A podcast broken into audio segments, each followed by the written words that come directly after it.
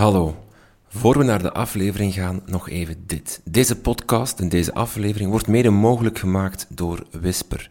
Whisper is een organisatie voor actieve kunsteducatie in Antwerpen, Gent en Leuven.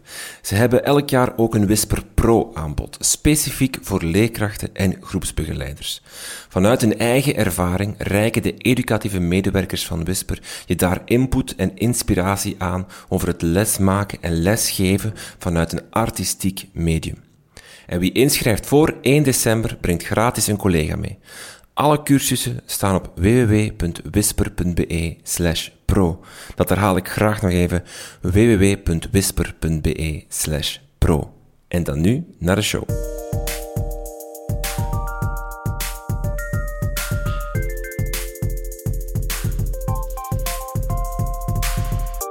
Welkom bij Buiten de Krijtlijnen. Mijn naam is Frenke van Hoek en dit is uw podcast over onderwijs.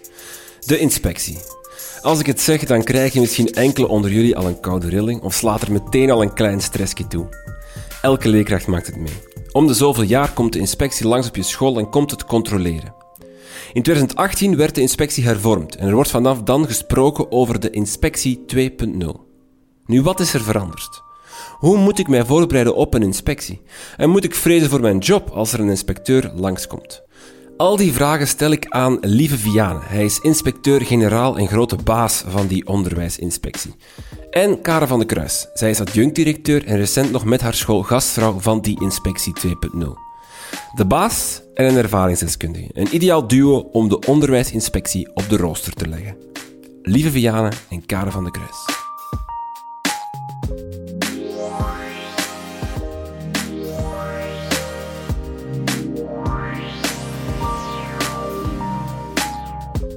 Lieve Viane, Karen van de Kruis, welkom uh, in dit gesprek rond uh, de onderwijsinspectie. Daar gaan we het vandaag uh, over hebben.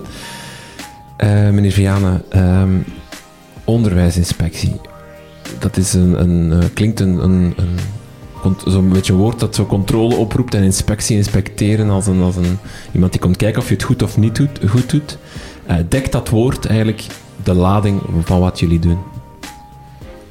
Ja, dat is onmiddellijk een uh, mooie vraag eigenlijk en uh, een, uh, een, vraag waar ik zeer graag op inga. Inspectie is inderdaad een woord die bij veel mensen een connotatie oproept van iets wat een slagboom eigenlijk is. Dingen stopzetten, dingen die niet kunnen doen bijsturen. inspectie is eigenlijk ook het leven hulpen. de Vlaamse onderwijsinspectie, waarvan in wiens naam ik hier spreek, is in 1991 opgestart. Mhm. En toen heeft men de inspectie eigenlijk een plaats gegeven in de kwaliteitsdriehoek. Je hebt enerzijds de overheid die de context moet uh, stellen, die de normen moet bepalen, die de regels moet uh, voorschrijven. Je hebt anderzijds de pedagogische begeleidingsdienst die begeleidt. En je hebt de inspectie die controleert. Dat was de basisfilosofie. Uh, mm nu, door de jaren heen, daar komen we straks allicht ook wel op, hebben wij uh, geleerd. Hebben wij geleerd over uh, wat wij kunnen doen, wat we niet kunnen doen op het veld, hoe wij effect kunnen resulteren. En hebben wij geleerd dat we naast onze controlefunctie ook wel een stimulerende functie kunnen hebben. Om uh, niet alleen de slagboom te zijn, maar ook de hefboom. Hefboom om de kwaliteit van onderwijs te vergroten in de scholen. Dus die, die kwaliteitsdriehoek, gaat die dan nog op? Of is, is dat al geen driehoek meer, aangezien je niet één zijde nog maar bespeelt eigenlijk? Ik denk dat de driehoek nog altijd opgaat. Dus, eh, anders zouden we zeggen ja, dat een van de partners overbodig is geworden. Uh, zo is het niet. Ik denk dat de pedagogische begeleiding nog altijd zijn eigen specifieke rol heeft. Maar het is wel zo dat wij niet exclusief bij controleren blijven en dat we de, de afstand of de, de, de benen van de driehoek af en toe kleiner maken om uh, connectie uh, te kunnen vergroten. Ik denk dat wij met de pedagogische begeleiding een veel intense relatie aan het opbouwen zijn de afgelopen jaren. Uh, en dat dat ook ten goede komt van onze werking en van de werking van de pedagogische begeleidingsdienst. Maar ik wil misschien nog één ja. uh, zaakje. Wat, wat is er wel gebeurd? En dat is eigenlijk in het licht van wat we vandaag doen ook belangrijk.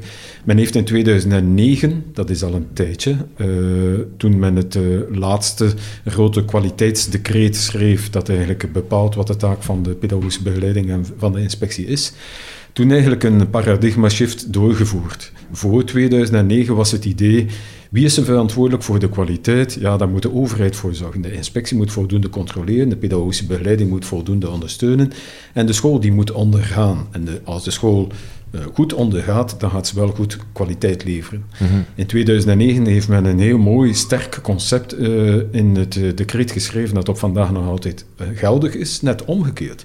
De eerste verantwoordelijke staat in het decreet voor de onderwijskwaliteit, dat is de school zelf. En daar zijn de anderen extern aan, ondersteunend aan, een spiegel biedend aan, uh, krijtlijnen zettend aan. Maar de eerste verantwoordelijke voor de onderwijskwaliteit, dat is de school zelf. En dat is in 2009 in het decreet geschreven. En eigenlijk door de manier waarop wij op vandaag werken, zetten we daar volop op in. Mhm. Maar dat komt allicht straks. ja. Ja. Uh, Karen, jij zit hier als uh, ervaringsdeskundige van de inspectie. Je hebt al een paar keer meegemaakt.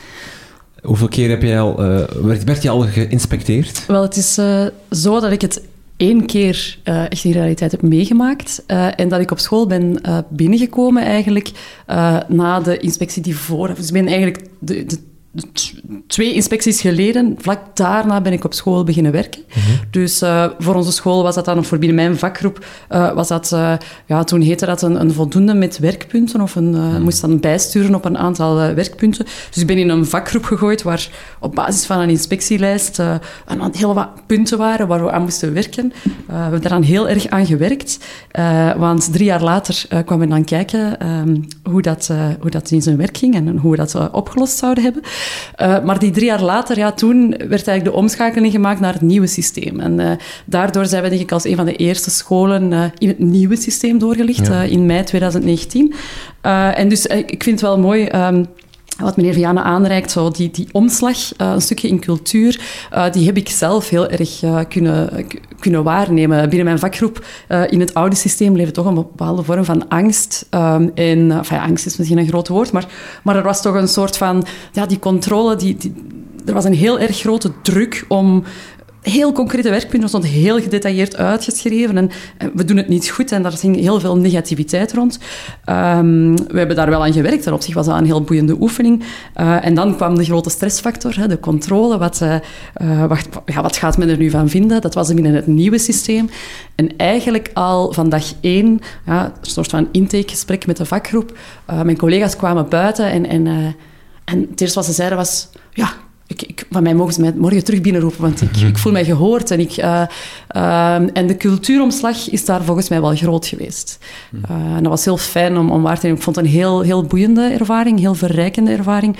Um, die toch wel behoorlijk wat verantwoordelijkheid bij de school legt. Hè. Um, ja.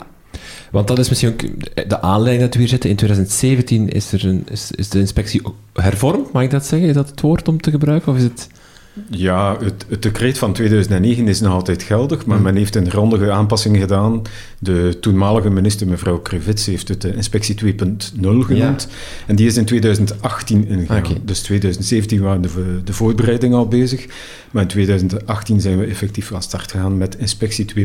Het, het, is nog altijd het raamdecreet van 2009 dat geldt, maar er zijn een aantal aanpassingen gebeurd in de manier waarop wij werken, de manier waarop we onderzoeken enzovoort. Dat klopt wel. Ja. En uh, volg je dan, of, of klopt dat gevoel dan, dat wat Karen hier beschrijft, van dat het ervoor misschien eerder meer controlerend was, meer, meer van uh, dit loopt fout, pas het aan. En nu meer die dialoog, meer uh, een, een, fijn intakegesprek waarmee je, en dat ondersteunende. Nee, dat absoluut, ook, absoluut. Dat is 100% uh, juist. Ik ben ook zeer gelukkig dat mevrouw het zo gekend heeft en dat het dus realiseert wat ik hoop dat we realiseren met de inspectie 2.0. Maar dat, ook dat is een iets lange geschiedenis. Eigenlijk uh, hebben we ervaren als inspectie, en dan kom ik terug tot uh, mijn inleiding, dat we heel vaak vaststellend waren, maar niet een aanleiding tot verbetering. En er is ook een, uh, een, een doctoraatstudent die hier aan de Universiteit Antwerpen een studie heeft gemaakt. En het resultaat eigenlijk van zijn studie in twee lijnen was de inspectie die boezemt angst in, maar die zorgt eigenlijk niet voor verbetering. Mhm. En we waren als organisatie ons daar ook van bewust dat, dat dit in veel gevallen allicht het, het resultaat was en we dit eigenlijk niet wilden. We wilden echt verbetering realiseren. We wilden niet alleen vaststellen, maar de scholen ook een, een, uh, een, een boost geven om hun kwaliteit te verbeteren. En in die zin hebben we een aantal dingen grondig aangepakt in inspectie 2.0. Bijvoorbeeld een van de zaken waar uh, mevrouw van der Kruisen naar verwijst, is uh, wij hebben uh, gezegd wij moeten vertrekken van het verhaal van de school. Veel meer dan het verhaal die wij zelf als ideaal voorop stellen. Mhm. Wij willen luisteren naar wat in de school uh, gaande is, hoe men zelf in controle is van hun kwaliteit, wat ze zelf op poten hebben gezet. Dus in eerste instantie willen wij veel meer luisteren en verder gaan op het verhaal van de school. Mhm. En we doen dat op een manier, uh, ook dat is typisch inspectie 2.0, uh, door een ontwikkelingsgerichte dialoog te voeren. We willen veel meer in dialoog gaan met verschillende schoolpartners dan vroeger, zowel met leraren als met directies, als met uh, andere verantwoordelijke leerlingbegeleiders, noem maar op, mensen die in school bepaalde taken op zich nemen. De doorlichting zit veel meer vol met gesprekken met mensen om echt in het verhaal van de school te kunnen komen en het verhaal van de school ook herkenbaar te maken in wat wij doen. Maar er blijft wel, want er is een, een, een referentiekader ingevoerd, een hanteerbaar referentiekader. Soort van, er was een gebrek aan benchmarks, las ik, van, om, om wat is nu goede onderwijskwaliteit, waar moet een school zich aan, aan afmeten. Dus het blijft wel een soort van kijken of dat een school eraan voldoet. Ja, maar nu, nu open je een totaal nieuw verhaal natuurlijk. Okay. Ik zal proberen uh, ja. beperkt op te antwoorden. Maar het uh, kwaliteitskader waar je over spreekt, het uh, onderwijskwaliteitskader, het OK-kader zoals wij het gemeenzaam noemen, is eigenlijk gekomen precies om het verhaal van Inspectie 2.0 mogelijk te maken. Ah, okay, ja. Vanaf 2011, 2012. In 2011 was er een OESO-studie die rond evaluatie in Vlaanderen uh, alles in kaart heeft proberen te brengen. En heel bondig samengevat was het resultaat van die studie. Vlaanderen zit vol van evaluatie op alle echelons. In de klas, voor de leraar, voor de directeur, pedagogische begeleiding, inspectie, uh, op, op uh, beleidsniveau. Overal zit meer dan voldoende uh, evaluatie. Het enige probleem is dat die evaluatie niet concordeert met elkaar. En dat er dus evaluaties niet uh, afgestemd worden op elkaar, of dat evaluatiekaders niet dezelfde zijn. En dat dus de pedagogisch begeleider de inspecteur niet begrijpt, en dat de leraar de pedagogisch begeleider of de inspecteur niet begrijpt. Stel u voor, wij komen naar de school, laten een verslag uh, achter, en de leraar begrijpt het niet, kan er niet mee aan de slag. Wat een, wat een energie, wat een het, verlies eigenlijk aan energie van efficiëntie.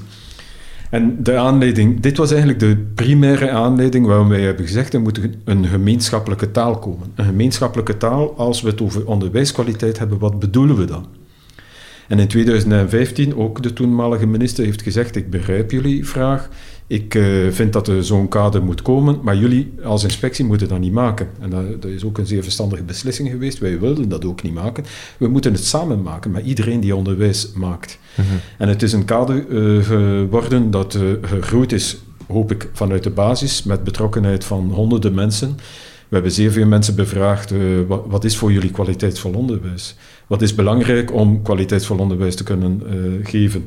De kinderrechtencommissaris, VDAB, Sintra, uh, mensen van welzijn. Uh, iedereen die iets met onderwijs te maken heeft, uh, is bevraagd. Ook veel leraren, veel directeurs zijn samengebracht in provinciale praatgroepen om daar informatie uit te halen.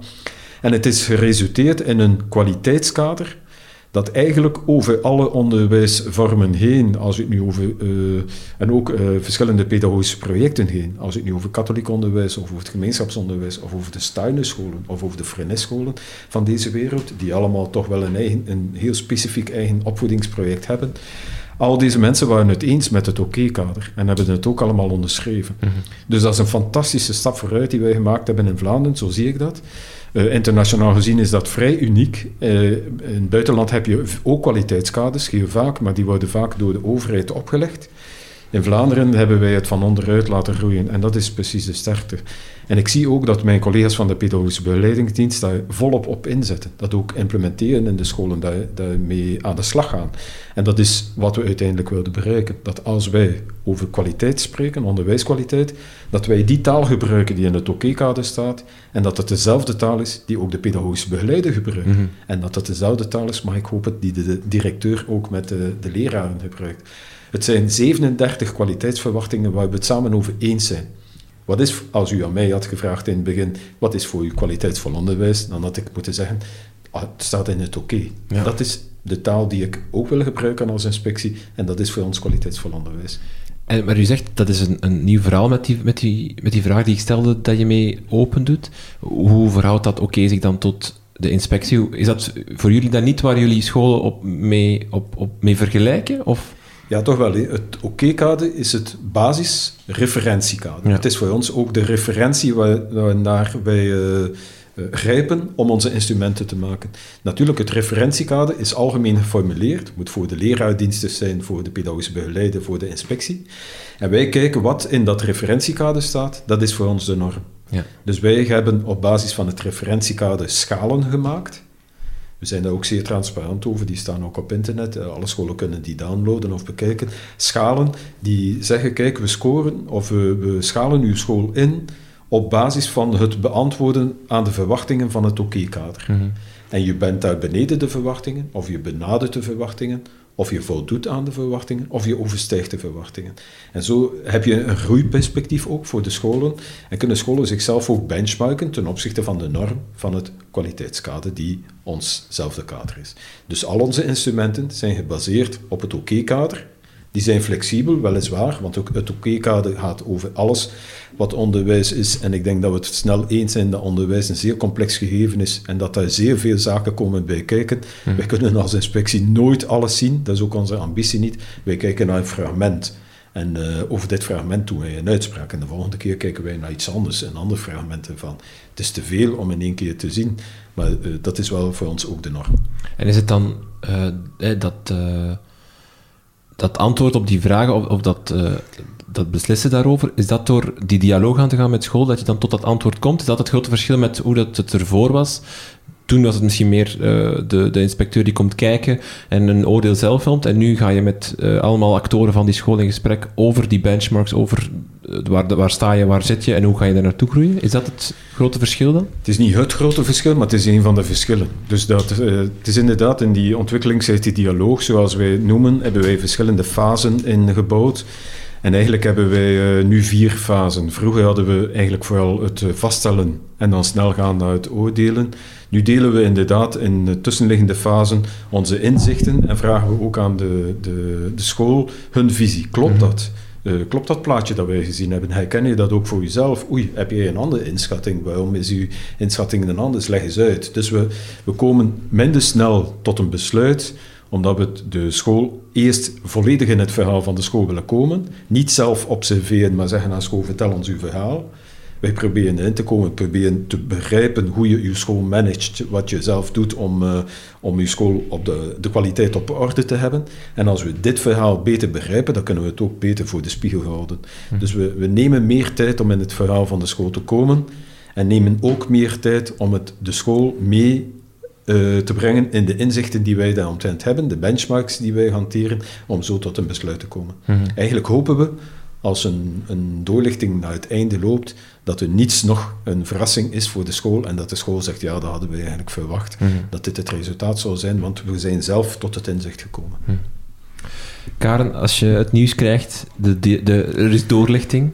Eh, hoeveel hoeveel eh, weken, maanden op voorhand hoor je dat, dat er een doorlichting komt? In principe wettelijk voorzien is het eh, minimum eh, drie weken, maar weken. ik denk dat wij een maand hanteren, eh, zoiets. Ja. Ja. Je krijgt het te horen, over een maand, over drie weken staan ze daar, de doorlichting. Wat, is, wat- is het dan stress? Is het dan even paniek? Is het dan even oeh, alle zeilen bijzetten? Ik, ik denk dat ik zou liegen als, als dat niet zo is. Het, het zorgt wel voor stress. Ehm, nu, ik denk wel dat de, dat de directie in mijn geval ehm, toen heel duidelijk maakt van kijk, het is ook een kans eh, eh, die je krijgt. Maar laat ons eerlijk zijn, er, komt wel wat bij kijken. Ehm, er wordt in dit systeem ook best wel veel van leerkrachten gevraagd. Hè. Inderdaad, dat, dat, verloop, hè. eh, dat verhaal dat je kan brengen als, als, ehm, als school, maar ook als vakgroep. Die, die ingaan op die vragen van, van hetgeen wij hier merken, klopt dat wel? En, en leerkrachten gaan eigenlijk zelf zichzelf moeten inschalen op basis van de beoordeling. Dat is eigenlijk wel de bedoeling waar, waar het toe leidt.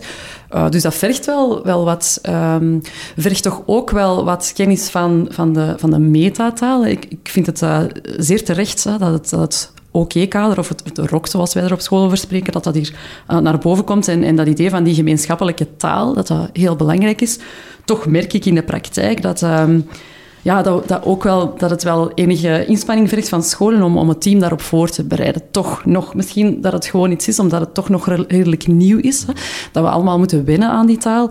Uh, maar een van de dingen die wij binnen ons korps gedaan hebben, bijvoorbeeld, is die ontwikkelingsschalen die een klein beetje ontleed voor collega's. Hè. Um, als daar bijvoorbeeld staat, uh, het aanbod spoort met het gevalideerd doelenkader en is nagenoeg volledig. Het aanbod is evenwichtig uh, en afgestemd op het verwachte beheersingsniveau. Dan zijn we van kijken, oké, het Ehm, het gevalideerde doelenkader, dat is je leerplan. Of, uh, uh, en dat, dat, lijkt misschien evident of zo, maar um, ja, op, op, een aantal weken voor een doorlichting is dat toch even zo van oei. Ja. Hè?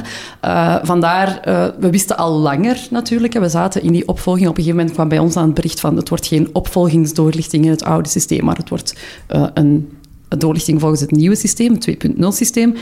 En dan zijn we natuurlijk zelf met die schalen aan de slag gegaan. We zijn daar niet vier weken... En dat was ook geen gigantisch werk, hè, maar het was toch wel een, een, een shift, denk ik, die we moesten maken.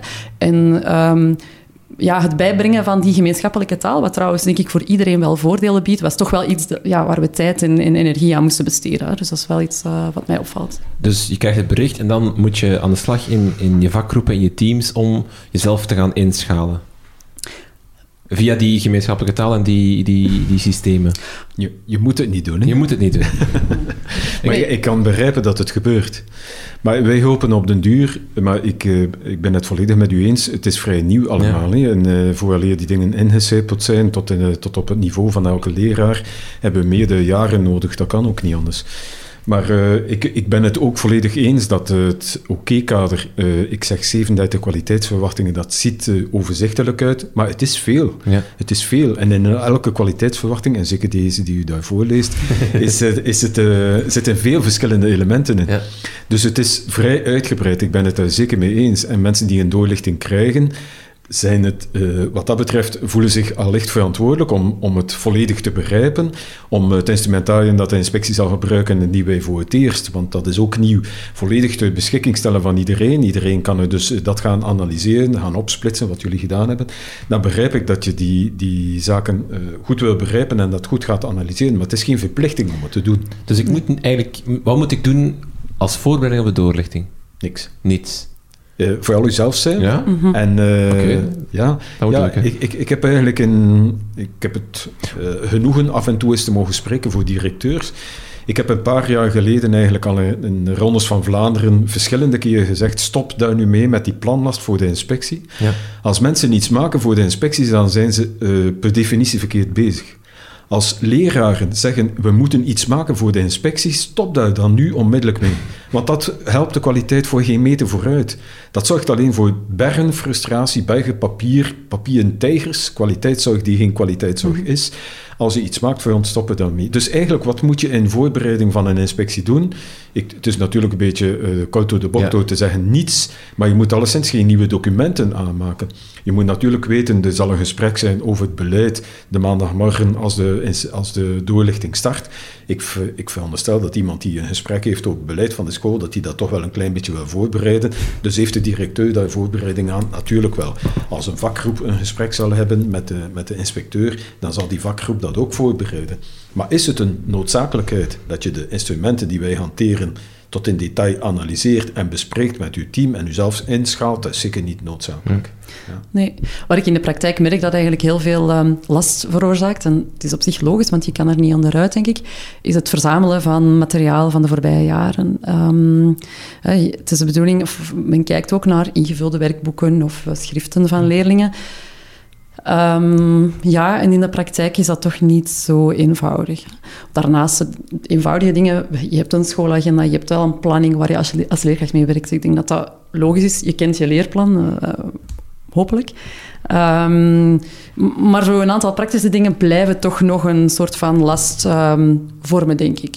Uh, dat is over die werkboeken, dat is zoiets wel wat, wat, wat ik wel soms hoor van collega's die zeggen van ja, dan vullen we dat werkboek maar half in en als de inspectie dan komt, is dat nog relevant dat dat gezegd wordt? Of als jij gewoon in dat gesprek uitlegt van ja, kijk, ik heb maar de helft van het werkboek gedaan, maar de andere helft, allee, of de andere doelen heb ik zo, zo en zo bereikt, is het ook goed? Uh, wij, wij gaan verschillende bronnen, of wij gebruiken verschillende Ja. bronnen om het onderzoek te doen. Hè. Dus wij noemen het de triangulatie. Wij doen gesprekken met mensen, wij observeren en we bekijken ook documenten. Mhm. Dus dat zijn de verschillende bronnen. Als het handboek één bron is, dan eh, wordt het gecomplementeerd met een gesprek met de leraar of ook met wat we zien in de klas. En het is niet zo dat papier de enige waarheid is voor ons, zeker niet.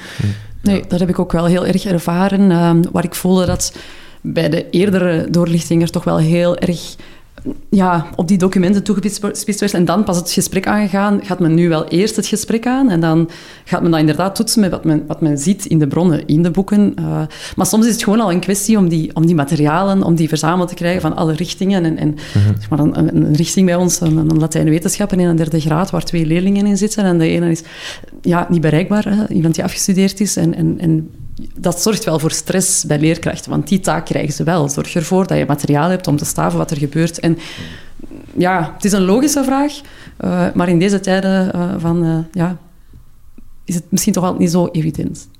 Want jullie, dus je doet die gesprekken met, met alle actoren van een school, maar je hebt ook dan, eh, je vraagt ook documenten op. Ja. ja. Ja, dat is waar mevrouw het over heeft. Ja. Het is inderdaad zo, in Vlaanderen hebben wij een vrij onderwijssysteem dat Mhm. vrij is, of zeer vrij is. En dat betekent dat de inhoud, dus de cursussen die gebruikt worden, die worden door de leraar zelf gekozen, soms zelf gemaakt. En om daar inzicht in te krijgen, dan moet je die cursussen zien natuurlijk. En dus vragen wij het op van het jaar ervoor, wat, is, wat, wat zijn de documenten, Mhm. Eh, welke toetsen zijn gegeven, welke examens, kunnen wij die inkijken, kunnen wij de handboeken van de, van de leerlingen inkijken, niet allemaal natuurlijk, altijd van één of twee leerlingen per klas moeten die bijgehouden worden, want anders hebben wij geen referentie naar de inhoud. Wat is, wat is uiteindelijk in de klas aan bod gekomen? En wij proberen dus eh, onze opdracht is na te gaan of de scholen inderdaad eh, de eindtermen zoals de overheid ze voorschrijft eh, realiseren. Wij proberen dat na te gaan op een jaarbasis. Dus je kunt niet op vandaag in de klas komen, kijken naar wat er in de, in de klas wordt gegeven en zeggen ja, op jaarbasis zit het hier goed. Ja. Je hebt documenten nodig die dat staven en vandaar de, de toch wel planlast die dat veroorzaakt en waar ik begrip voor heb, maar waar we inderdaad voorlopig geen andere oplossing hebben. Zijn er nog dingen die jullie opvragen of, of, of, of gebruiken om, om, om die inspectie te doen? Je hebt dus die gesprekken, de, de documenten, zijn er nog tools of manieren? In principe is de algemene regel, wij vragen de functionele documenten die in de school gebruikt worden.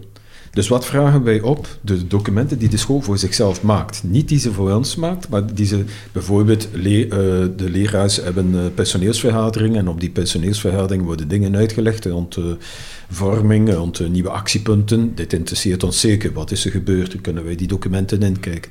Uw schoolreglement, ja, zijn documenten die wij, ja, is ook een wettelijk verplicht document, dus die wij kunnen inkijken.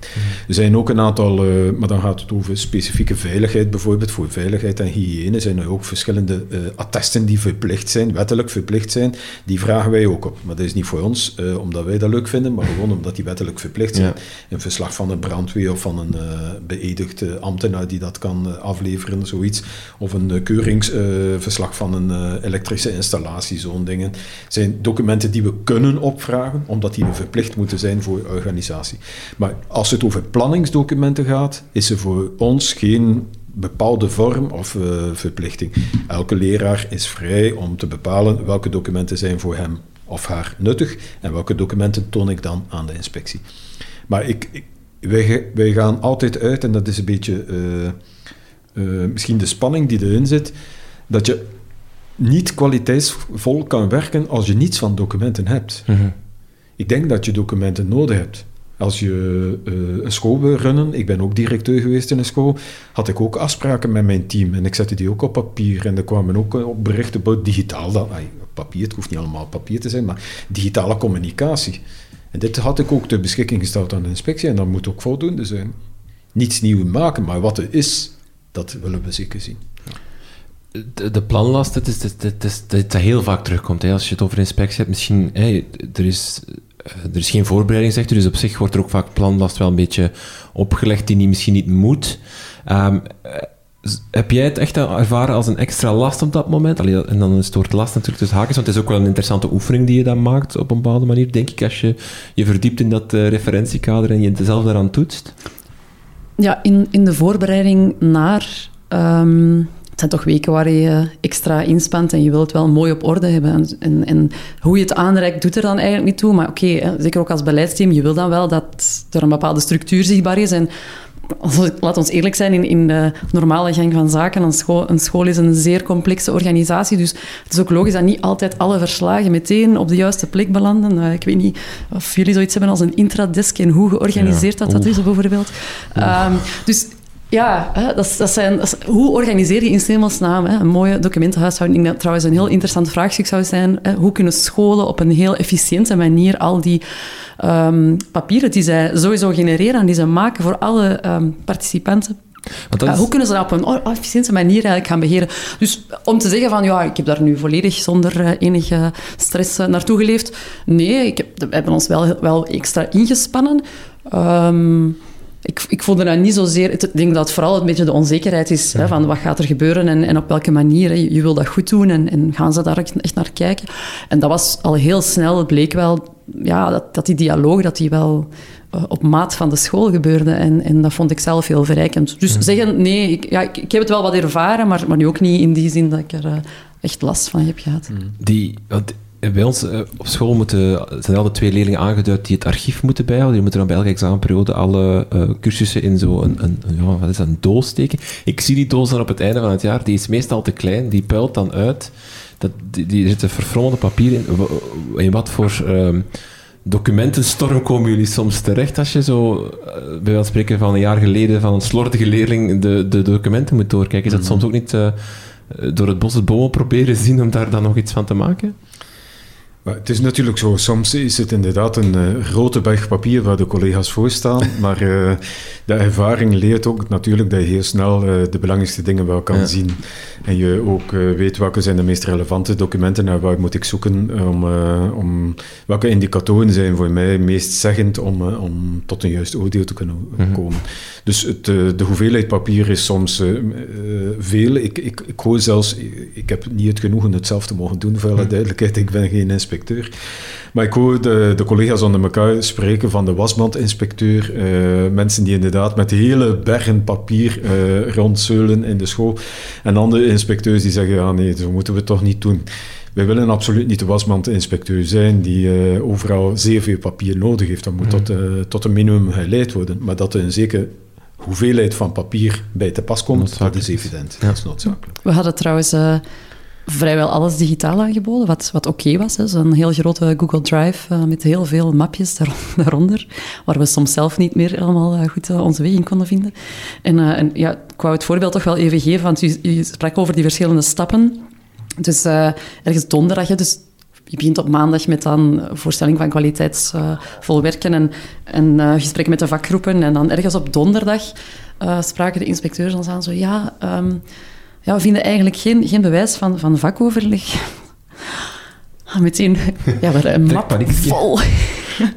dus we hadden gewoon het juiste mapje niet gevonden. Ja. Het zat vol mm. verslagen.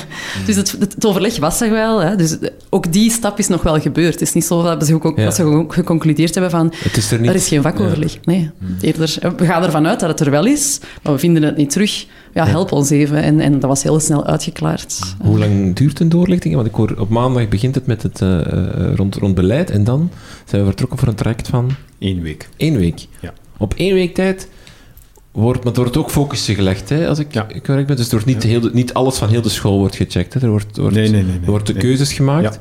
En dan wordt op één week tijd uh, daar al... Ik zou, ik, dat lijkt me heel snel. Of is dat...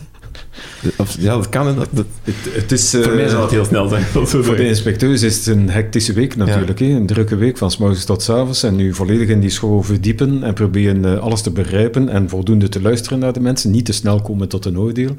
Maar het is zo gepland uh, nu bij ons dat het een week is. Dus we starten de maandag en we ronden de vrijdagmiddag af. En, is het in een ideale wereld waarin meer geld zit, langer dat het langer zou duren?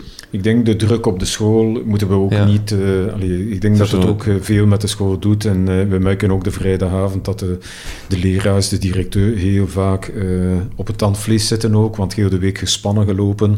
Van het ene naar het andere. Nog documenten bijgehaald. Oei, die was ik ook vergeten. En s'avonds, ja, toch nog een vraag, meneer de inspecteur. Oh, daar zal ik er ook voor zorgen dat die documenten er morgen zijn. Een week is lang genoeg. En mm. de meeste mensen zijn opgelucht.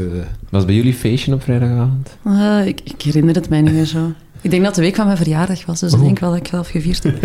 Ehm, ik, ik wou nog toevoegen dat ik ehm, zelf in het proces, ergens woensdag, donderdag, zo'n beetje door het gevoel had van, dat gaat hier toch wel diepgaand genoeg zijn. Zo, ja, je hebt die gesprekken eerst, uh, die verkennende gesprekken, en dan gaan die inspecteurs, gaan die verkenning, dan gaan die ook in lokalen en die beginnen zich te verdiepen in die brondocumenten waar je dan eigenlijk als school geen zicht op hebt. En er komen dan wel vragen terug, en als er dan bijvoorbeeld die vraag komt van, ja, maar is er wel vakoverleg? Dacht, oei, uh, het, gaat toch wel diep genoeg gaan um, nu in de analyse, want dan kom je tot een synthesegesprek waar ook eigenlijk die bevindingen nog gedeeld worden. Um, was ik daar wel positief door verrast. Um, dat het toch wel diepgaand uh, was. Maar gewoon door het proces, het is maar een week. Uh, je begint eigenlijk maandag, dinsdag heel voorzichtig, uh, heel verkennend, heel open ook, wat, wat, wat fijn is. Maar um, ik weet dat ik woensdag echt dacht van... Hmm, waar gaat dit toe leiden? Ja. En, en, gaat men echt de kern kunnen vatten? Of, of gaat men daar... Um, ja, maar ik, ik volg daar volledig in. Hè. Precies de manier waarop dat we het vormgegeven hebben. En uh, willen in het verhaal komen van de mensen, dan heb je tijd nodig. En dan spenderen we inderdaad wat meer tijd om uh, het verhaal te kunnen horen en uh, de, de, mensen ook een verhaal ja. te kunnen laten doen. En dat kost tijd. En dan hebben we inderdaad de volle week tijd nodig om, om te kunnen landen. Maar ik, ik heb het gevoel dat we Alleen met de doelstellingen die we voorop zetten, en we zitten inderdaad altijd met een focus, uh, maar door de inspectie 2.0 hebben we eigenlijk twee grote items die we willen onderzoeken, zowel de kwaliteit als de kwaliteitsontwikkeling. En ik denk dat we op beide toch een, uh, een zinvolle antwoord kunnen geven op het einde van de week. Ja. Um, doet een inspecteur voorbereiding? De leerkracht moet het niet doen, maar doet zijn inspecteur voorbereiding voor hij naar een school gaat? Leest hij het eh, pedagogisch plan op de website? Ja. Ja. Hij komt voorbereid ook te, hij komt voorbereid, minder voorbereid dan vroeger zou je kunnen zeggen. Want vroeger hadden wij ook een vooronderzoek. Uh, in de vorige periode hadden wij een vooronderzoek dat we eerst een dag naar de school, één of twee dagen naar de school gingen.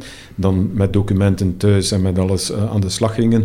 En dan uh, beter voorbereid nu naar de doorlichting kwamen. Dit is nu niet meer het geval. Ook om planlast te verminderen hebben we dit eigenlijk gedaan. Omdat scholen dan nog veel meer voorbereiden en documenten aan de inspecteurs wilden bezorgen om hen van alles te geven.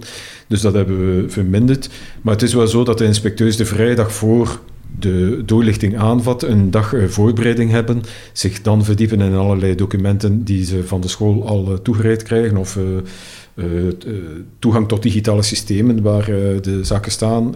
ook de data die wij hebben uit de uit de databanken van het eh, departement die wij zelf analyseren. Kijken hoe zit het met de leerling doorstroom, hoe zit het met het aantal zittenblijvers, hoe zit het mm. met de, de ziektecijfers van de leraars, hoe zit het met het verloop binnen de school. Die cijfers hebben wij vanuit de databanken, die analyseren wij ook. En ook de website van de school wordt uiteraard uh, doorge, doorgekeken uh, of daar dingen uit te leren zijn. En dit is eigenlijk voor alle teamleden zo. De teamcoördinator die verantwoordelijk is. In elk team van inspecteurs is er één iemand verantwoordelijk. Die heeft al een aantal keer contact gehad met de directeur daarvoor. Dus hij, hij of zij zijn voorbereiding is al iets langer aan de gang omdat de eerste keer van contactname een maand of zoiets voor de doorlichting is, dan wordt er al uh, afgesproken om een planning op te maken, uh, welke documenten wanneer moeten klaar liggen enzovoort. Dus uh, die is wel al wel langer bezig met de voorbereiding.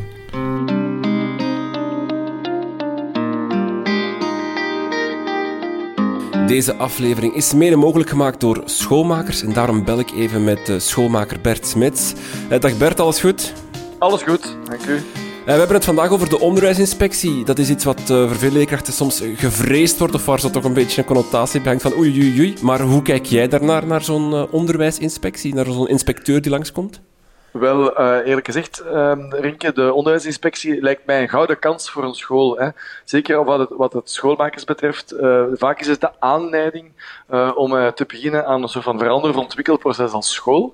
Ehm, eigenlijk geeft de inspectie heel vaak een goede feedback, een soort van rapport. en vanuit het perspectief dat je een school ook als een lerende school moet bekijken, zou je kunnen zeggen dat er heel wat aanknopingspunten zitten in het rapport van de inspectie. Een soort van feedback, een ontwikkelperspectief van waaruit je stappen kan beginnen zetten. Dus eigenlijk vinden we zelf een heel dankbare ja, perspectief, een soort van gratis doorlichting die je krijgt, waarmee dat je dan vervolgens als schoolteam aan de slag kan gaan. En wij gebruiken dat graag als schoolmakers als uitgangspunt om van daaruit te beginnen ontwikkelen.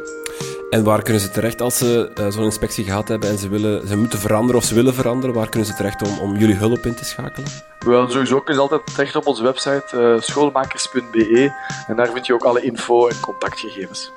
Oké, dankjewel Bert. En dan gaan wij verder met de show.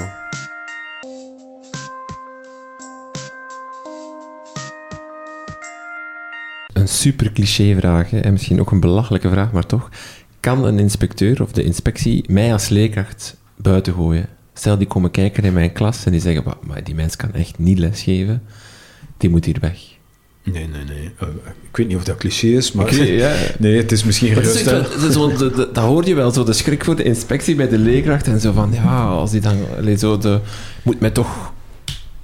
Is dat iets? Of, of... Nee, dat is, dat is misschien goed om dat uit de wereld te helpen, die, uh, die onheusheid of onterechte bezorgdheid daaromtrent. Dit is ook niet onze bevoegdheid. Ja. Nu, door het feit dat wij in een uh, vrij onderwijssysteem zitten, betekent dat dat iedereen een school kan oprichten, dat iedereen schoolbestuur kan worden. En het zijn nog altijd de schoolbesturen die de leerkrachten aanstellen. Dus de enige die kan beoordelen, die individuele leraren beoordeelt, dat zijn de mensen die ze aanstellen. Dus vanuit de overheid kunnen wij daar totaal geen rol komen spelen. Dat doen wij ook niet. Maar kunnen jullie een verslag schrijven, bijvoorbeeld die ene van Nederlands, dat is echt geen goede. In principe doen we dat niet. En het is ook in ons decreet gevraagd dat we geen uitspraak doen over individuele leraren. Ik moet u wel eerlijk bekennen uh, als het bijvoorbeeld over muziek gaat en er is in een school zeer beperkt aantal uren muziek en er is maar één muziekleraar en wij hebben muziek doorgelicht, ja, dan weet iedereen, het mhm. gaat over persoon X. Ja. Het rapport of het gaat over bijvoorbeeld klassieke talen, hoor ik hier in de derde graad. Soms is het uh, maar één leraar uh, die de klassieke talen geeft in de derde graad. En ja, dan, dan is een beoordeling van een vak of van een structuuronderdeel vaak gelinkt aan, aan een bepaalde persoon. En uh, dat kunnen we niet uit de weg gaan. Maar wij gaan nooit persoonlijke uh, of personen beoordelen. Dat is eigenlijk niet de bedoeling. Ja, ik denk dat die houding die ik trouwens wel herken, nu, dat, die uitspraak van kunnen ze mij ontslaan of zo, niet meteen, maar je neemt als leerkracht toch heel vaak kritiek heel persoonlijk en dat is ergens normaal, want het ja, is toch een beroep dat heel sterk aanleunt, of dat heel sterk een beroep doet op je, je persoonlijkheid en zo. Dus mm -hmm. dat dat heel persoonlijk binnenkomt, uh, dat snap ik wel. Um, toch denk ik dat uh, die houding, vooral in Vlaanderen, nog altijd veroorzaakt blijft, blijf, uh, wordt door, door een gebrek aan de open deurencultuur. Ja. Um, wat dat betreft denk ik dat we corona toch misschien dankbaar mogen zijn. Want als je nu door onze schoolgang loopt, ik weet niet hoe het bij jou is, maar alle deuren staan open. Ja, en, en dat geeft uh, toch een ander gevoel. En, en het, het, ja, het leeft toch nog heel vaak van het moment dat er iemand binnenstapt in je les, dan wordt er een soort van grens overtreden die, die de veil, waardoor het voor vele leerkrachten niet meer veilig aanvoelt. En of dat, dat dan een inspecteur is, of een directeur, of een collega, of... Dat doet er volgens mij al niet zo heel veel toe. Zien jullie dat, of voelen jullie dat ook nog, dat, dat zo die klas binnengaan, dat je dan voelt dat die leerkracht je kent hem natuurlijk niet, maar toch dat die, dat die anders is, of dat er, dat, dat er meer zenuwen komen spelen of zo. Dat, dat... Ja, dat is onmiskenbaar zo. Zo is dat nog altijd. Leraars maar daarom ben, ben, ik ook blij met de tussenkomst van mevrouw. Leraars zijn nog altijd meest comfortabel als de deur dicht is natuurlijk. Hè, in hun eigen uh, afgesloten wereld. En dat is absoluut waar we moeten aan werken. Ik mhm. ben het 100% eens dat de deuren openzetten een eerste stap kan zijn. Bij elkaar bezoek brengen, open durven zijn, u kwetsbaar durven opstellen als leraar ons zoveel verder zou kunnen helpen in Vlaanderen. En uh, dat wij als inspecteur gezien worden als een bedreiging, begrijp ik ook heel goed, want mensen zijn het vaak ook niet gewoon. Ik ben ook leraar geweest. Ik heb in de, de 15 jaar, denk ik, dat ik voor de klas gestaan heb, uh, één of twee keer de directeur op bezoek gehad. En ook in, in, in gezelschap van een inspecteur, maar nooit alleen. Wat een zonde is dat. Al die jaren alleen Zonder dat iemand mij enige feedback gaf. Gelukkig vroeg ik aan mijn leerlingen zelf al toen in de tijd, wat vinden jullie ervan? Wat, wat kan ik beter, wat kan anders? Maar het is toch zonde uh, in onze tijd dat, we, dat dit niet uh, makkelijker kan. Dus ik hoop alleszins dat, we een, dat er geleidelijk aan een cultuurverandering komt. Dat mensen zeggen, ja nee, mijn deur staat open, ik ben uh, open voor feedback. En een inspecteur, ah fantastisch, nog iemand die binnenkomt, die een brede kijk heeft. Want voor alle duidelijkheid, de expertise van de inspecteurs is groot. Waarom? Omdat ze een unieke kans hebben, uh, wat andere mensen niet kunnen. Mm. Wij kunnen in alle scholen in Vlaanderen, alle netten, alle niveaus, ja. Centrumsteden of niet, in alle klassen binnenkomen. En die inspecteurs hebben dat genoegen, kunnen dat ook, bouwen dus een enorme expertise op door wat ze zien. En die expertise moeten we ten dienste stellen. En ik begrijp dat, uh, dat we dit zeker kunnen uh, gebruiken om leraars ook te inspireren, om hen te helpen. Maar dan moeten we met hen in dialoog gaan en moeten we ook in een klas kunnen komen om dingen te zien. Wat is het profiel van zo'n inspecteur? Is dat vaak een, een leerkracht die een andere wending neemt? Of zijn dat uh, pedagogen, mensen? Wat is zo een, ik weet niet of er een standaard profiel is van een inspecteur, maar... Ja, het is... Het, enige dat ik uh, generiek daar kan over zeggen, dat zijn mensen met een brede ervaring. Mhm. Maar die ervaring kan verschillend zijn. Wij hebben inderdaad mensen die uh, aan de universiteit zijn blijven hangen en van daaruit uh, in onze organisatie instromen, maar dan heel specifiek met een onderzoeksprofiel. Maar de meeste van onze inspecteurs zijn mensen die echt in de klas hebben gestaan, die leraar zijn geweest, die directeur zijn geweest, die pedagogisch begeleider zijn geweest en die na een behoorlijke carrière al met ervaring in het onderwijs instromen in, uh, in onze organisatie. Dat, dat maakt ons ook uniek. Wij zijn deel van het ministerie van Onderwijs, maar wij zijn de enige die het uh, onderwijsstatuut zijn blijven behouden. Dus de, het, uh, decreet rechtspositie met een eigen statuut onderwijspersoneel houdt ook voor de inspecteurs. Wij moeten mensen zijn met ervaring in het veld voor je inspecteur kan worden. Ik zelf ben ook leraar geweest, leraar wiskunde. Ik heb uh, lesgegeven in de normaalschool ook. Dus vanuit mijn ervaring ben ik in de job gekomen, denk ik. Kan de inspectie komen op aanvraag? Stel dat je als directeur merkt van, ga mijn school, het, het, draait er niet en ik kan er de vinger niet op leggen. Ik heb een, een audit nodig, bij wijze van spreken. Iemand, allez, iemand met ervaring die meer ziet dan ik, die, die langskomt en die even met een school of een aantal dingen op de rooster legt? Nee, uh, op aanvraag tot nu toe werkt dat niet of kunnen we dit niet. Het heeft ook te maken natuurlijk met onze beperkte bezetting. Ja. Want uh, in het decreet uh, van 2018 is nu ingeschreven dat we eens om de zes jaar in ja. elke, elke, school moeten langskomen. Voorheen was het eens om de tien jaar. En ik moet eerlijk zeggen, ik durf het hier, ja, ik zal het toch luid zeggen, want de microfoon staat aan. Staat erop. Maar er zijn scholen waar wij 12, 13, 14 jaar niet zijn binnen geweest. Ik zag soms rapporten dat het zo lang geleden was. En dan denk ik, dat is totaal onverantwoord. Hoe kunnen we in Vlaanderen eigenlijk uh, dat, dat tolereren, dat het zo lang kan geleden zijn? En heeft dat te maken met, met te weinig middelen? Dat heeft wat mij betreft daarmee zeker mee te maken. Ja. Maar het heeft ook te maken natuurlijk met de manier waarop we ons onderzoek willen doen. Ik hoorde u daarnet zeggen, in een week, amai, ja. zo snel.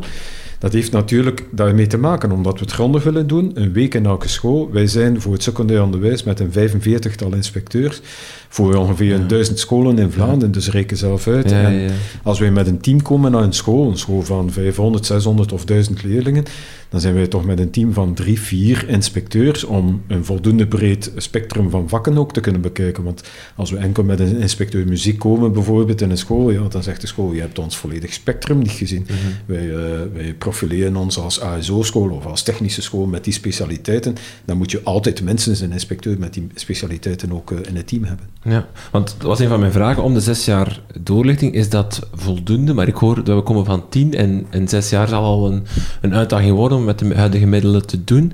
Um, is, dat, is daar te weinig vanuit de Vlaamse overheid of vanuit de financiering te weinig aandacht voor? Voor ja, wat misschien ja, de controlerende functie eigenlijk van checken hoe ons onderwijs er, eraan toe is? Misschien is het beter dat mevrouw die vraag beantwoordt. want als je mij vraagt, dan ga ik het natuurlijk zeggen. Ja. Ik denk dat we met meer middelen uh, meer zouden kunnen doen. Ja. Maar ik begrijp anderzijds ook, allee, ik lees ook uh, de commentaren. Uh, afgelopen maanden was uh, Lieven Boeven in het nieuws met 17 of 18 regels om het, de job van de leraars aantrekkelijker te maken.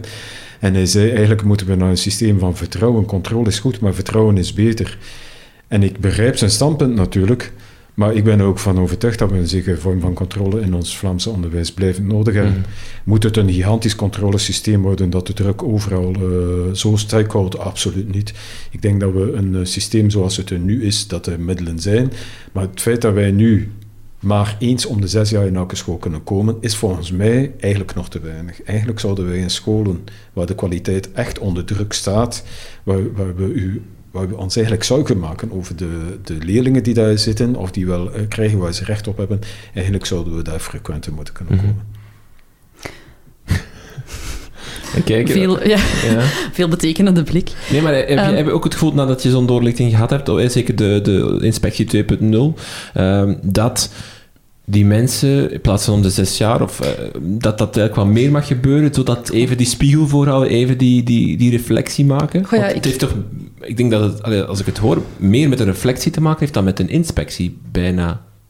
In de zin dat het ook wel de school iets even, even doet nadenken, even dat gesprek aangaat, en dan Ja. ook wel even zegt van ja, daar en daar en daar zit je wel in de gevarenzone, of, of kan het beter? Ik denk ook wel dat je tijd moet durven geven om... Ik bedoel, er, er mag dan wel een gesprek gaan over, Ja. over wat er gebeurt, maar ja, iets wat mij... eh, Ik sta nu zes jaar, zeven jaar in het eh, secundair onderwijs en eh, wat ik zelf een van de lastigste zaken vind naar verandering toe, of is, is, ehm, is de grote tijdspanne die je hebt vooraleer je een nieuwe cyclus kan beginnen als leerkracht. Hè. Als je wilt bijsturen, dan heb je... Ja, ja, je kan maar bijsturen naar een, Ja. na een jaar. En dan... Dus op- ja, ik, eh, op zich denk ik dat die zes jaar dat dat wel oké is. Als je als school, denk ik, qua visie en, en iets wil neerzetten, dan denk ik dan, dan vijf, vijf jaar eigenlijk een, een, eh, een, een termijn is die wel, wel oké is. Ik kan wel inbeelden dat als het school als het niet goed gaat, of als inderdaad een school meer sturing nodig heeft, eh, dat daar snellere opvolging misschien wel wenselijk is. Hè. In dat vorige systeem, dat er eigenlijk na drie jaar een opvolging was, ehm, dat, dat legde wel wat druk. Uh, misschien is drie jaar dan... Ja, als op drie jaar alles... ge- ja, dat ge- gevoel leefde, hè. Op drie jaar moet alles ge- geregeld zijn op dat moment. Want dat was echt bijna mijn checklist en dat was er nog niet. En aan die leer, eh, eindterm hadden we niet gewerkt. En, ehm, als de visie meer is van... Ja, je moet aantonen dat je in een bepaalde richting gaat. Hè, en, en dat is gewoon wat we willen zien. ehm, dan denk ik dat dat wel oké is. Ik vond die, die termijn van drie jaar om, om alles geregeld te hebben... eh, want er komt natuurlijk veel. En, eh, onderwijs is nooit perfect, denk ik, in zijn vorm. Dus er zijn altijd werkpunten. Eh, vond ik wel een hoge druk leggen. Ehm, als het een check is die, die erop gericht is om te zorgen dat mensen wel degelijk dat veranderingsproces gaande houden en dat daar een bepaalde eh, richting aangegeven wordt, ja, dan denk ik dat het inderdaad misschien wel wenselijk is dat het sneller is dan die zes jaar. Want als je pas na zes jaar vaststelt dat de gewenste richting, ja, eh, of dat men de gewenste richting niet, niet, niet uitgegaan is, ja, ik kan me wel inbeelden dat dat heel frustrerend moet zijn. Maar het is vooral eh, wat het resultaat is voor de, voor de jongeren, voor de kinderen die Ja. ons zou gebaard. hè. Als de school inderdaad ondermaats is van kwaliteit. Nu, in, in die zin hebben we een beweging gemaakt. Ik, eh, ik wil misschien nog even uitleggen waarom we die opvolgingsonderzoeken of die opvolgingsdoorlichtingen hebben eh, geschrapt, toch? Ja.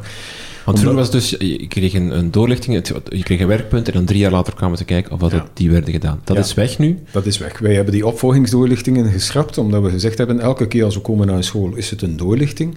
Maar we willen ook vertrekken vanuit vertrouwen. Wij hebben eigenlijk het gevoel, eh, of wij hadden het gevoel vroeger, dat als wij een, een school een werkpunt gaven, een tekort, en al de rest was goed, en we zeggen, ja, binnen drie jaar komen we terug om dat tekort te bekijken, dat heel de school zich focuste op dat ene tekort. En dan had je eigenlijk soms het resultaat dat men de ene put eh, dempt door een ander te Ja. graven. Omdat alle andere dingen dan... eh, men was be- bezig met een diversiteitsbeleid. Hup, allemaal aan de kant, want we hebben een tekort voor eh, weet ik wat. En eh, om dat te vermijden, omdat we zeiden, eigenlijk is de school onder controle van haar eigen beleid en dat moet ook zo blijven. Zelfs al is er een tekort gesignaleerd, dan moet de school ze hun haar dingen kunnen blijven doen en de prioriteiten zelf kunnen blijven leggen. Hebben we dat niet willen opleggen. Alleen in de gevallen waar, waar wij ons zorgen maken dat de school het niet zelf aan kan. En daarom hebben wij een ander eh, eh, resultaat van een doorlichting. Wij hebben nu naast de gunstige, waar je verplicht wordt aan je tekorten te wijken, maar waar we zeggen, wij hebben vertrouwen, doe het, Ja. doe het goed, hebben wij ook een ongunstig, waar de scholen verplicht worden externe ondersteuning te vragen. En dit is eh, wat we nu een advies 2a noemen. Dus in scholen waar wij komen, waar we zeggen, hier gaat het echt niet goed, wordt de school automatisch verplicht om externe ondersteuning te vragen om dat tekort weg te werken. En die externe ondersteuning, zit die uh, bij jullie of is dat dan de, de pedagogische begeleidingsdienst? dat zit zeker niet bij ons. Nee. Dat is uh, meestal de pedagogische begeleiding, maar dat kan ook een, een, hogeschool zijn of een andere dienst die de school inhuurt om haar te helpen om aan het tekort te werken. Dus na die week op vrijdag krijg ik een verslag als, als directeur van school. Daarin staat gunstig of ongunstig. Gunstig kan met een aantal werkpunten zijn waar we mee aan de slag moeten, maar die worden op zich uh, niet meer opgevolgd. Uh, Niet in een specifieke opvolgdoorlichting. Maar als het ongunstig is, dan gaat mijn school ook niet dicht? Dan, dan gaat uw school dicht als u niets doet. Dus op dat moment kan u zeggen, ja, maar ik wil niet dat mijn school dicht gaat. Dus ik engageer mij om externe hulp te aanvaarden. En als dit zo is, dan gaat uw school niet dicht. En kan je dus met die externe hulp aan de slag. En komen wij, nog altijd, net zoals vroeger, sneller terug. Ja. Mhm. Dus komen wij in principe na drie jaar al terug om te kijken hoe het met uw school is gesteld. Maar we kijken dan niet alleen naar het tekort, maar we kijken opnieuw breed naar heel de school. Procentueel, hoeveel keer wordt er een, een, een ongunstig uh, advies gegeven? In uh, het laatste rapport dat wij daarover geschreven hebben, gaat het over in 5% van de scholen. Ik moet wel zeggen, er zitten, zaten zeer grote verschillen in uh, voor uh, onderwijsniveaus. Voor het secundair onderwijs globaal ging het over nog geen 2% van de scholen. Krijgen een, uh, een ongunstig advies met verplichte externe begeleiding. In buitengewoon onderwijs was het duidelijk meer scholen die een ongunstig advies hadden gekregen. In, in het kader van, van onderwijskwaliteit en de dalende, uh, dalende kwaliteit die nu gemeten wordt op tal van uh, testen, en, uh, wordt wel eens gezegd van er worden zelden scholen gesloten in Vlaanderen. Er wordt zelden eigenlijk echt hard ingegrepen. En men ziet dat soms als een soort van zwakte, omdat men die vrijheid van onderwijs heeft, doordat iedereen maar mag doen en, en, en, kan kiezen hoe dat zijn onderwijs inricht. Eh, volgt u dat, dat argument van het is eigenlijk jammer dat we soms niet harder of, of, of strenger zouden kunnen optreden tegen scholen waar het echt fout loopt? Ik heb niet het gevoel dat we meer scholen moeten sluiten dan vandaag. Ik heb wel het gevoel dat we, uh, wat ik daarnet ook al zei, eigenlijk frequenter zouden moeten kunnen aanwezig zijn in de scholen waar het echt nood doet. En uh, die frequentie zouden moeten verhogen. Nu, we zijn nu aan het proberen, de corona is een crisis en uh, noopt ons tot nieuwe, nieuwe dingen. We zijn nu eigenlijk aan het uittesten of we de frequentie of een, uh, doorlichtingen ook korter kunnen doen, op een kortere periode. Dus om de druk op de scholen kleiner te maken, hebben we nu korte doorlichtingen georganiseerd met een slechts twee dagen bezoek aan de school, met een beperkte focus ook, één onderzoeksvraag in plaats van het geheel. En mogelijk is dat een middel om in de toekomst daar iets mee te doen.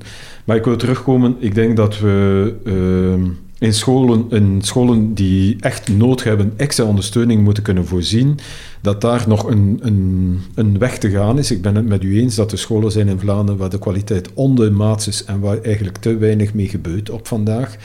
Dus uh, daar zou moeten meer geïnvesteerd, meer op gefocust kunnen worden. Maar dat we meer scholen moeten sluiten. Ik denk als we de de rechten van het kind in het gedrang komen, dan zullen wij vragen de school te sluiten. En dat gebeurt zelden, maar het gebeurt af en toe wel eens. We hebben de afgelopen jaren toch een beperkt aantal, maar toch een aantal scholen doen sluiten, omdat we vonden dat de rechten van het kind echt in het gedrang waren. er komen gestandardiseerde toetsen, uh, dat is toch het plan. Um, denk, gaan die ook een rol spelen voor jullie bijvoorbeeld? Is dat iets waar jullie dan ook gebruik van kunnen maken? Van ja, kijk, die school die, die, die scoort er wel heel laag op, daar moeten we uh, dringend eens gaan kijken? Of? De minister heeft in zijn plan uh, alleszins uh, verteld, en daar zijn we gelukkig om, dat wij de resultaten zullen krijgen van mhm. die toetsen. En dat we ook mee aan de slag kunnen gaan. Dus ik uh, hoop alleszins dat het ook voor ons een meerwaarde is uh, ik uh, hou mijn hart een klein beetje vast, of we moeten alleszins voorzichtig zijn. Hart vasthouden is misschien overdreven, maar voorzichtig zijn dat we de nadelen van een centrale toets niet binnenhalen in Vlaanderen. Dus het ranking van scholen, het uh, narrowing, dus het vernauwen van het curriculum moeten we absoluut vermijden. Uh, maar ik denk dat het een kans is, een kans die we als, uh, als scholen gaan krijgen om ons uh, beleid sterker te maken, omdat we meer geïnformeerd zullen zijn, met meer data, over meer data zullen beschikken om ons beleid te voeren. En ik hoop dat wij als inspectie daar ook goed gebruik kunnen van maken als extra databron om school goed op weg te kunnen helpen. Jullie publiceren ook elk jaar de Onderwijsspiegel, waar jullie jullie bevindingen van een jaar inspectie delen met de wereld. Um, hoe is dat gewoon het samenleggen van alle resultaten van de inspectie en dan een soort van conclusie trekken? Of, of worden er uh, prioriteiten gekozen op voorhand van daar willen we echt naar kijken? Het, uh, als u de spiegel zou bekijken, gaat u zien dat het de laatste jaren in vier grote brokken, ja, voilà, hij ligt zelfs op tafel, vier grote hoofdstukken hebben. Dus het eerste hoofdstuk is inderdaad een terugblik op onze doorlichtingen die wij uitgevoerd hebben in scholen. Afgelopen jaar was het een 530 scholen, denk ik, die wij hebben onderzocht. Dus toch een vrij groot staal van scholen. Dus daar rapporteren wij over. Wat hebben wij gezien? Wat zijn de grote krachtlijnen? Wat valt ons op? Een tweede hoofdstuk zijn heel specifieke onderzoeken. Dat zijn keuzes die we zelf maken. Wat, wat willen wij onderzoeken? Bijvoorbeeld, vorig jaar stond er in Begrijp het lezen in het basisonderwijs. Naar aanleiding van de alarmerende signalen door internationale tests hadden wij uh, ons genoodzaakt gevoeld, we moeten daar iets rond extra onderzoeken, kijken waar, waar wat is de oorzaak daarvan, of vervolgschoolcoaches bijvoorbeeld, was ook een, een onderzoek die wij hebben geplaatst, of kwaliteitsvolle kleuterparticipatie. Het zijn keuzes die we zelf maken en die eigenlijk aanleunen bij beleidskeuzes die gemaakt worden en waar wij vinden, ja, je moet iets Dus dat is um, toch wel elk jaar anders. Het derde stuk rapporteren wij over andere onderzoeken die wij doen. Wij hebben naast het voeren van doorlichtingen nog heel wat opdrachten. Uh, heel kleine soms opdrachten, maar ook vrij uh, grote, belangrijke opdrachten. Wij kiezen er altijd een aantal uit waarover wij rapporteren. En het laatste hoofdstuk is eigenlijk een uh, toekomstblik, waar wij onze bedoelingen voor de toekomst proberen duidelijk te zetten. En wat al helder is en ook een, beetje conclusie te maken. Dus elk jaar toch wel een aantal specifieke invullingen. Mm iets dat opvalt, of dit jaar dat erin stond, uh, twee derde van de basisscholen en een kwart van de secundaire scholen staat op onderwijskundig beleid op punt. dat is niet zo heel veel. Um, dat is iets wat jullie gemerkt hebben. Wat moet ik daaruit uit concluderen? Of is dat dan, wil dat dan zeggen dat ze beleidsmatig niet onderwijskundig genoeg bezig zijn, niet genoeg kennis hebben? Je moet inderdaad een onderscheid maken. Het is goed uh, van daar vrij gedifferentieerd op uh, naar te kijken. Beleid is een, uh, is, valt uiteen in verschillende onderdelen. En onderwijskundig beleid is daar één van. Onderwijskundig beleid gaat het heel specifiek over hoe ben je bezig je onderwijs te organiseren in je school en heb je daar omtrent afspraken gemaakt. Je hebt de cijfers daar net overlopen en uh, het, het, is bijvoorbeeld duidelijk dat het in het secundair onderwijs minder gaat of minder goed gaat dan in het basisonderwijs. Een van de redenen is, is dat de secundaire school ook complexer is, omdat je mhm. ook met verschillende groepen leraren zit, met vakgroepen zit. De, de basisonderwijs is de, de leraar allround en die doet alle vakken. Dus als je een aantal afspraken maakt, bijvoorbeeld rond evaluatiebeleid, dan is het in het secundaire school al heel wat moeilijker om iedereen in dezelfde lijn te krijgen, dezelfde afspraken te kunnen maken en te zien of dat inderdaad ook vakoverschrijdend uh, gevolgd wordt en of we daar een lijn kunnen uh, in trekken. En daar merken we dat heel wat scholen uh, nog zoekende zijn. Dus heel wat scholen maken wel goede plannen, maar we merken heel vaak dat het niet doorcijpelt tot op het niveau van de leraar. Mhm. En dat de leraar zegt, ja goed, ja, dat is misschien wel een plan van de directeur, maar ik, eh, ik doe mijn ding, want ik heb niet gehoord of ik weet niet wat, wat, waar de klepel hangt. Of ik, ik denk wel dat ik het goed, goed aan het doen ben. En dat we eigenlijk merken dat, dat er geen samenhangend beleid is die, die de leraren ook stuurt in de manier waarop ze uh, zich organiseren. En dit is wat we eigenlijk willen aankaarten. Dus afspraken maken die tot op het niveau onderwijskundig, tot op het niveau van het functioneren van elke leraar. Dit is een punt waar we in Vlaanderen echt nog vooruit gaan kunnen boeken. Karen, herken je dat?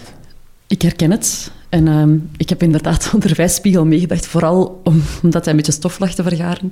Uh, die van 2019 heb ik best grondig doorgenomen. Ik vind het, het is een zeer boeiend instrument. Het is, het is een beetje droog, hè? Uh, veel cijfermateriaal. Maar uh, als school uh, kun je er wel heel veel uithalen. Omdat je inderdaad, wat, zijn, de, wat zijn de pijnpunten in, in, in Vlaanderen uh, breed eigenlijk? Um, en ja, dat voorbeeld dat jij gaf, want dus, ik heb mijn analyse van, van de spiegel van, van 2019 uh, er even bijgenomen. En inderdaad, toen stond er ook, slechts in 36% van de scholen is er een degelijke systematische evaluatie van de kwaliteit. En dan dacht ik, wauw, en als onderwijskundig beleid heel vergelijkbare cijfers gaat dan over 2019. En ik zag ook, want ik had dat documentje gedeeld binnen de beleidsploeg. En ik had daar een aantal citaten uitgehaald. Uh, en dat, dit komt uit de inleiding van de Onderwijsspiegel 2019. Hè. Uh, en daar staat... Uh, het betrouwbaar en systematisch nagaan of acties de gewenste resultaten opleveren is echter niet zo evident. Hè. Dit is een pijnpunt voor het schoolbeleid en voor de individuele leraar. Ik denk dat we dat allemaal wel begrijpen. Hier moeten we dringend werk van maken, want het is, een relatief eenvoudige, maar uiterst, uiterst doeltreffende hefboom om de kwaliteit te verhogen. En de reden waarom ik het nu even citeer is omdat in dat documentje dat ik gedeeld had, had mijn directeur een relatief eenvoudige aangeduid en daar vraagtekens bij gezet ja, het is niet zo gemakkelijk om te zoeken naar manieren om te checken of beleid dat je uitstippelt. Hè. Je kan, kan goede ideeën hebben of die werkelijk helemaal uh, tot uh, aan de basis uh, doordringen. En um, het lezen van dat document stemt me eigenlijk wel, wel triest. als je beseft hè, dat er toch in Vlaanderen heel veel inspanningen worden geleverd. Als je in de individuele leerkracht aanspreekt, dat zijn mensen die heel hard werken en die heel erg begaan zijn met hun job. maar toch heb ik soms het gevoel dat we daar weinig uithalen of dat we daar onvoldoende rendement in halen.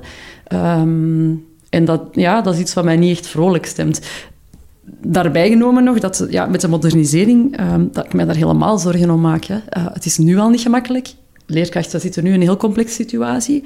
Corona komt daar nog eens bovenop. En mensen moeten die modernisering nog verteren, zowel in de eerste graad als in de tweede graad.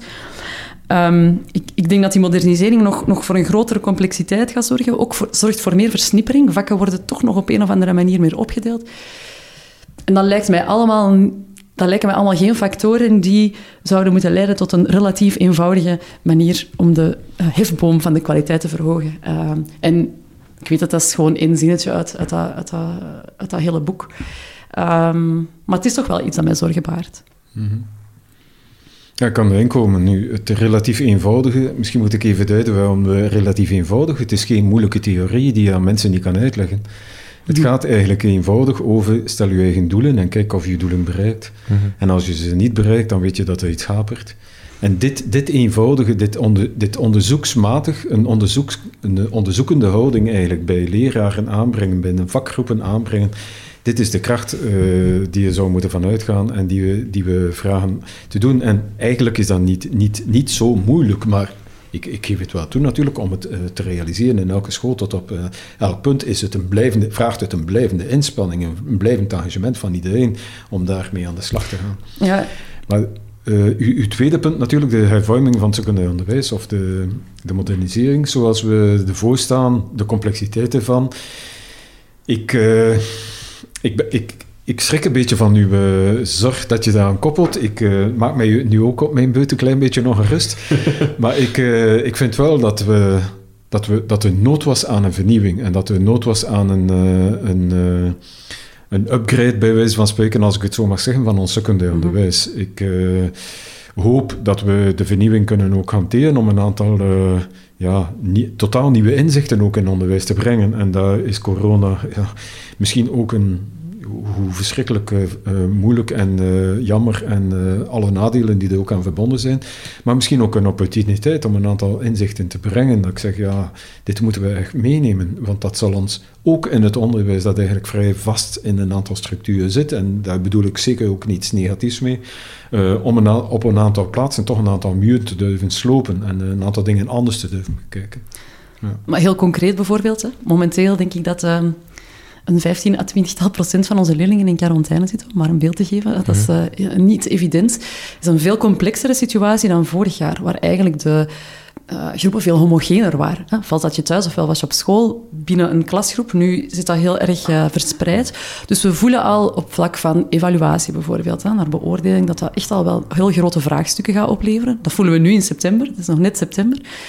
Um, en een van de zaken die we eraan koppelen, denk ik, als school, is, is, is ja, oké, we moeten nog meer dan ooit nadenken van, oké, wat is de kern? Wat is er belangrijk? Wat is er belangrijk voor verticale doorstroom? Omdat we nu al voelen dat dat beeld dat we gaan krijgen op het einde, qua evaluatie, waarschijnlijk toch niet zo zal zijn zoals we het altijd gekend hebben. En als je dan gaat... Uh, uh, een van de vragen concreet die nu op tafel is, vakgroepen kijk terug verticaal. Hè. Uh, ga kijken naar het volgende jaar. Wat is er nodig? Wat hebben die leerlingen nodig? Probeer goed verticaal te communiceren. En dan heel concreet gaat dat dan over leerlingen, over leerkrachten nu die in een tweede jaar staan, die eigenlijk volledig nieuw met nieuwe materialen bezig zijn, die in overleg moeten gaan met leerkrachten van een derde jaar, die nog niet weten wat ze volgend jaar concreet gaan moeten doen. Dus ja, ik, oh ja, misschien ben ik gewoon te negatief. Ik zie ook wel kansen. Hè. Maar, uh, maar ja, ik denk gewoon soms op de werkvloer dat dat wel binnenkomt. Ja. En dat, uh, Ja, ja, maar dan, dan moet ik een beetje nuanceren. U bent zeker niet te negatief. De manier waarop we nu de, de modernisering invoeren en de snelheid waarmee het gebeurt en de snelheid of de traagheid zou je kunnen zeggen waarmee de dingen klaar zijn en, hoe snel je ze dan moet implementeren, dit is zeker niet een ideaal plaatje, daar ben ik het 100% mee eens. Het is... Uh, het is uh, hectisch en het komt zeer snel en de mensen hebben eigenlijk nauwelijks of niet de tijd om het goed voor te bereiden. Dat begrijp ik zeer goed en ik denk dat daar ook al een begrip voor is. Daarom hebben wij ook als inspectie gezegd, wij zullen zeker niet komen doorlichten in die eerste mhm. tijd dat je daarmee bezig bent. Laat, laat de school de tijd om het te, te, ontdekken en te kijken hoe het moet zijn. Dus daar volg ik u volledig in. Dit is... Uh, geen ideale situatie. Het is uh, beter dat je de dingen rustig kan voorbereiden, uh, de dingen goed uh, kan leren kennen voordat ze geïmplementeerd worden. Hier moet je eigenlijk al met de fiets rijden en dan wordt nog aan gesleuteld, bij wijze van spreken. Zo'n zo'n onderwijsspiegel heeft, en dan die, die aanbevelingen of conclusies die jullie die trekken na zo'n jaar inspecteren, zijn dat pure signalisatie? Namelijk, wij hebben gezien dat er een, een onderwijskundig beleidsprobleem is waar dan andere diensten iets mee moeten doen? Of is het dan ook iets dat jullie dan het jaar daarna meepakken in jullie uh, inspecties om, om daar extra naar te kijken of extra op te focussen of extra advies naar te formuleren? Beide eigenlijk. Hè. Wij proberen zelf te leren uit de, de, dingen die we zelf zien en sturen op basis daarvan ook ons instrumentarium, onze manier van werken bij. Wij proberen een lerende organisatie te zijn en te leren uit onze fouten, dat is zeker zo. Maar wij proberen ook met deze spiegel naar buiten te komen en we doen dit jaar, of we hadden het eh, ook eh, voor de corona anders willen doen en we doen het nu binnen een maand uh, gaan wij sessies organiseren om uh, de buitenwereld veel meer bij de resultaten van onze spiegel te betrekken. Dus Ik heb een, een uh, ah, kijk, ik ben nou blij. wij nodigen dus leraren en directeurs uit om in gesprek te gaan met de inspecteurs die de onderzoeken hebben gedaan, om de resultaten van onderzoeken met hen te bespreken. En we willen dat in de toekomst eigenlijk nog uitbreiden, want wij, wij hadden ook het gevoel en wij maken een zeer waardevol document, maar het ligt in, in veel uh, plaatsen onder een stapel van andere papieren op het bureau van de directeur, maar er liggen ondertussen al 47 andere documenten boven. En ja, als hij dan aan het opruimen is, dan zegt hij, ja, er ligt hier nog een spiegel. Ja, het is nu een beetje te laat om er nog mee aan de slag te gaan. Het zal voor mhm. volgend jaar zijn. En ik denk dat we in het verleden te weinig impact hebben kunnen maken met onze spiegel en we proberen daar iets aan te doen, want wij geloven echt dat er dingen in staan die de scholen kunnen helpen, uh, die de pedagogische begeleiding kan helpen, die uh, de lerarenopleiding kan helpen. Dat, dat is bijvoorbeeld ook zo'n punt.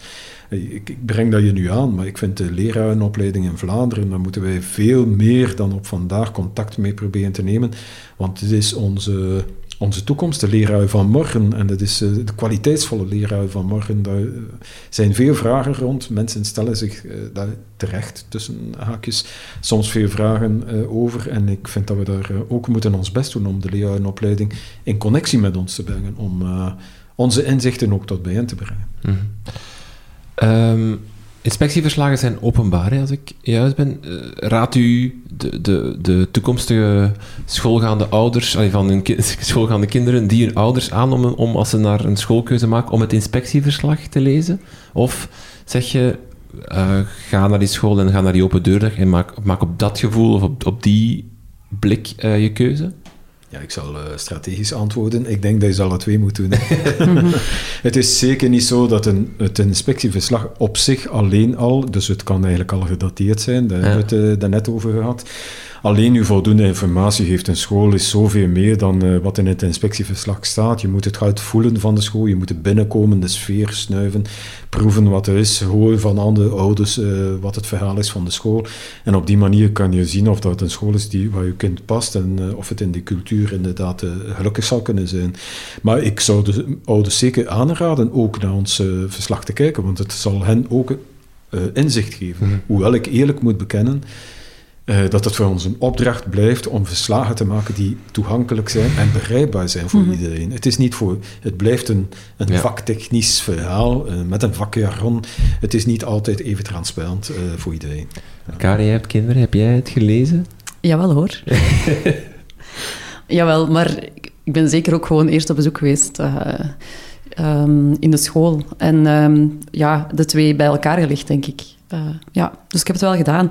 Ik, wat die verslagen betreft, um, viel mij wel op, die zijn veel generieker geworden. Die zijn veel algemener geworden. Dus uh, als je een verslag van in de in het oude systeem zou doornemen, was heel specifiek. Hè. Werkpunten werden daar heel specifiek benoemd. Uh, eindtermen die, of leerplandoelen die niet, die behaald werden of zo, stonden daar echt in. Zodat dat, ja, toen ik op school begon te werken, was dat de leidraad ook al om, uh, om bij te gaan sturen. Uh, op dit moment, die verslagen zijn veel, veel uh, algemener. Um, en een van de tips die ik zelf had meegekregen, want je steekt toch, of je probeert toch wel eens wat informatie te doen en die ik toch zeker ook wel wil meegeven aan leerkrachten die misschien binnenkort uh, dit proces doormaken, is om, om goede verslaggevers op te maken, op, aan te duiden. Omdat je um, heel veel van de dingen die... Er wordt ontzettend veel waardevolle feedback gegeven.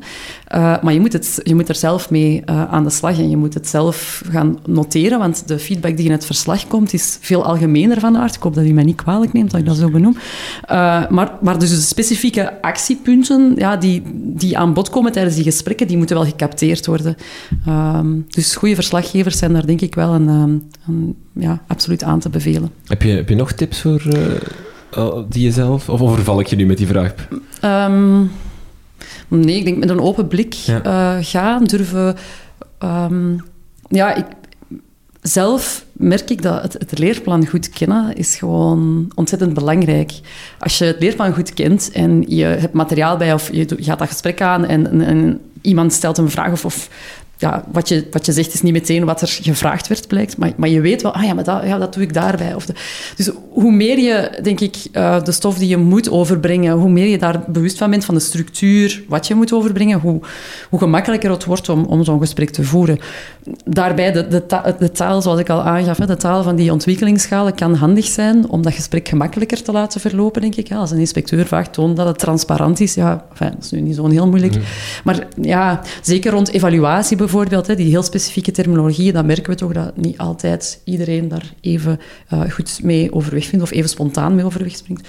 Dus ik denk, dat je leerplan gewoon goed beheersen. Want je zou verwachten dat dat een basishouding is van een leerkracht. -hmm.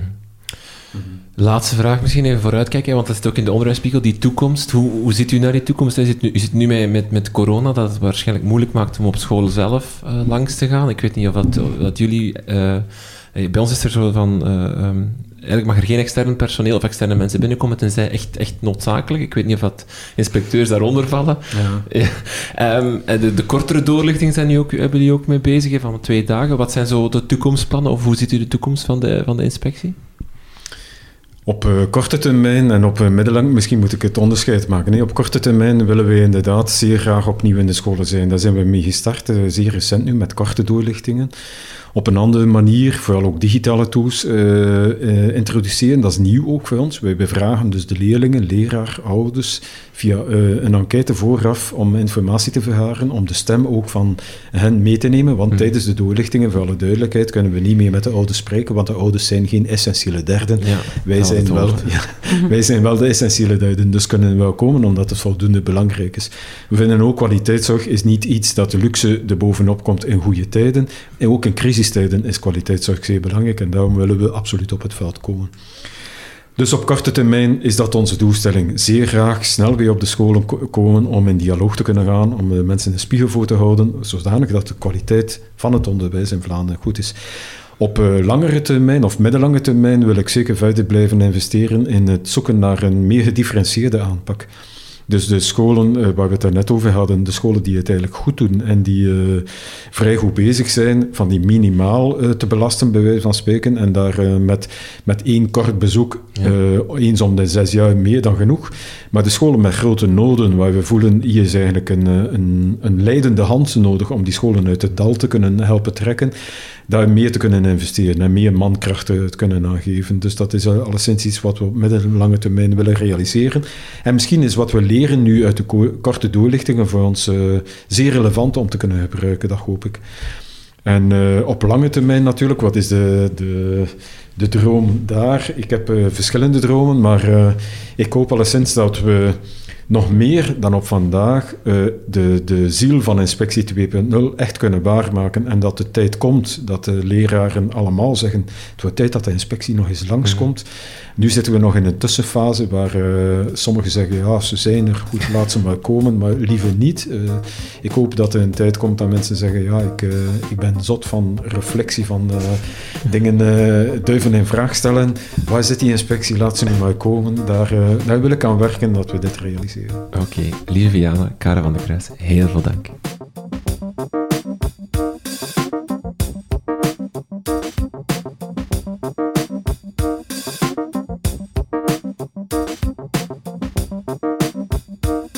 Dit was Buiten de Krijtlijnen voor deze keer. Meer info over de onderwijsinspectie vind je op de website www.onderwijsinspectie.be. Op 28 oktober hebben ze hun spiegeldag en dan lichten ze alle onderzoeken toe uit hun jaarverslag. Alle show notes en meer info vindt u op onze website www.dekrijtlijnen.be. Volg ons ook via Instagram, Facebook of Twitter en ga met ons in gesprek over deze aflevering. Laat weten wat je ervan vond. Ben je fan van deze podcast en wil je ons steunen, dan kan je ons financieel helpen. Dat doe je door een bijdrage te geven via www.patreon.com Over. Al 1 euro per maand kan je ons helpen. Veel dank en tot de volgende.